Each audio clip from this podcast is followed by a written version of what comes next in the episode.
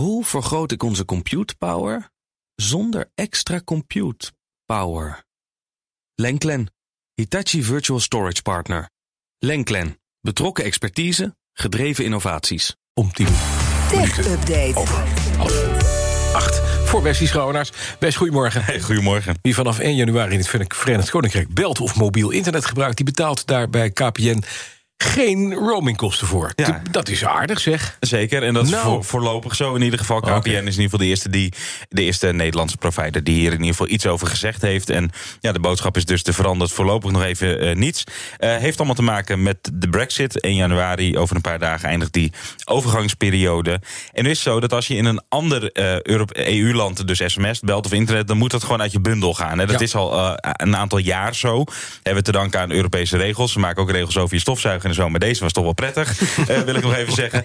Ehm, eh, en telecom-providers die moeten zich daar ook aan houden. Ehm, maar ja, als je dus uit de Europese Unie stapt, hoe zit het dan? Hè? Dat, is, Ja. dat was natuurlijk de vraag. KPN zegt nu dus, nou voorlopig laten we het even zo. Ook na de 1 januari eh, betaal je nog niet eh, buiten je bundel, zeg maar, voor het internet. eh, Nou, bellen, sms'en. Dat klinkt lief van KPN. Hoe doen de andere providers dat ook? Die hebben ook gezegd, joh, VK hoort er virtueel dus nog gewoon bij. Nou, daar heb ik nog niets over gezien. Nee? Eh, Ze hebben er volgens mij ook nog niets over gezegd. Eh, dus eh, ja, ik kan het eh, niet uitsluiten, ook niet bevestigen.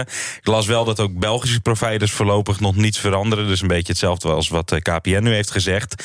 Maar er is natuurlijk een kans dat het wel gaat gebeuren. Want formeel hoeven ze na 1 januari, als het om het Verenigd Koninkrijk gaat... dus niet meer eh, aan die EU-regels te voldoen... als het gaat om het, aanbieden van al die, die, die dingen gewoon uit je bundel. Ja. Ehm, ja, nu is het natuurlijk ook nog corona, dus we reizen amper tot niet. Eh, zeker ook met het Verenigd Koninkrijk is dat nu nog even aan de gang. Eh, maar als alles weer normaal is, laten we een beetje vooruitkijken. Ja, dan kan het eh, natuurlijk ook zomaar zijn dat er toch wel gewoon afspraken over worden gemaakt. Dat is natuurlijk ook gewoon nog een optie. Ja. Dat, ze, hè, dat ze niet zeggen, oké, de EU-regels gelden niet meer, dus we gaan weer lekker alles los in, rekening brengen. Maar dat ze toch wel afspraken maken. Ik kan me dat best voorstellen met een, met een land als Verenigd Koninkrijk, waar je natuurlijk veel verkeer hebt tussen nou ja, bijvoorbeeld Nederlanders en, en daar en andersom. En met werk en zo. Ja.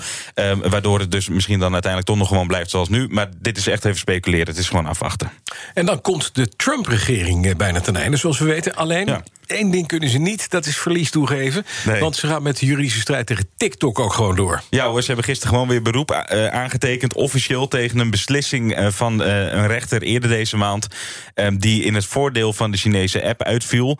En als ik me even kort samenvat, de, Amerikanen wilden die activiteiten van TikTok in de Verenigde Staten wilden ze eerder al stilleggen. Ehm, en want ze zeggen, ja, ze slaan te veel data op van onze Amerikanen, gevaar voor nationale veiligheid in de Verenigde Staten. Niet vergeten, 100 miljoen Amerikaanse gebruikers van TikTok. Maar ehm, TikTok maakte daar bezwaar tegen en ook een tweede rechter gaf TikTok gelijk eh, als het dus gaat van hè, eh, nog, het moet nog niet stilgelegd worden, het mag dus nog niet. En de Trump-regering is het daar weer niet mee eens, dus nu weer een beroep op die uitspraak. Ja, en zo gaat het juridische heen en weer natuurlijk gewoon lekker door. Ja, nou, wat zou er een overname zijn? Ja. Amerikanen, twee partijen, die wilden, hè, Oracle en Walmart... Ja. die zouden de Amerikaanse activiteiten van TikTok overnemen... en op Amerikaanse servers gaan zetten. Hoe staat het daarmee? Nou ja, dat is mij eigenlijk niet helemaal duidelijk. Ehm, eh, want eh, inderdaad, die deal die zou zijn, die is ook al goedgekeurd, geloof ik, Ja. eh, door de regering Trump of door hemzelf, eh, geloof ik zelfs. Maar ja, ik heb de indruk dat alles gewoon een beetje op zijn gat, zijn gat ligt. Eigenlijk door dit hele juridische getouwtrek, door al die zaken die er lopen. Ehm, en TikTok, ja, die blijft zich gewoon lekker tegen de Amerikaanse overheid verzetten. En eigenlijk is mijn vermoeden dat het ook nog wel even zo zal blijven. Ja. Ehm, dus ja, het is me niet helemaal duidelijk, maar volgens mij ligt dat allemaal een beetje stil. Dat denk ik ook. Ik denk dat ze bij Walmart en Oracle ook denken... weet je wat, laat dit maar eens even uitraden. Ja, dat zou best eens en het wordt vanzelf 20 januari. Ja hoor. We gaan zien wat er gebeurt. We blijven even in Amerika met, met uw welnemen, meneer Schouwenaars. Want eh, regels voor het vliegen met relatief kleine drones... die worden daar juist versoepeld. Ja, er mag straks ook s'nachts en eh, ook boven mensen gevlogen worden. Dat heeft de Federal Aviation Administration, eh, de Amerikaanse luchtvaartautoriteit, die daarover gaat, die heeft dat aangekondigd. Reuters bericht daarover. Ehm, en waarom ik dit toch interessant vind, ook al is het daar, het is gewoon een belangrijke stap voor de ontwikkeling van droombezorging. Ehm, dat zijn er natuurlijk allerlei bedrijven die daarmee bezig zijn. Er zijn nog veel regeltjes, ook daar, eh, waardoor het lastig is om bijvoorbeeld in drukke gebieden dat toe te gaan passen of te gaan testen. Mag allemaal niet. Nou, en dat gaat nu langzaamaan toch wel wat versoepeld worden. Maar er zullen wel aanvullende veiligheidseisen. Hè? Amerikanen kennen er komen. En zeker de FAA. Die, Ja, eh, ja, ja ze, gaan, ze, zeggen heet, niet. eh, ja, precies. Nou, daar, god, ik kan er een boom over opzetten. nee, ja, dat is zeker aan de hand. Eh, Ze zeggen niet nu van, nou jongens, pak je drone en vlieg maar, maar raak. De belangrijkste aanvullende veiligheidseis is eigenlijk dat die drones een identificatie en een soort ID moeten uitzenden, zodat je vanaf de grond zo'n ding ook kunt identificeren. Mhm. Gaat gelden voor, voor drones vanaf 250 gram. Dat zijn ze al snel, die dingen.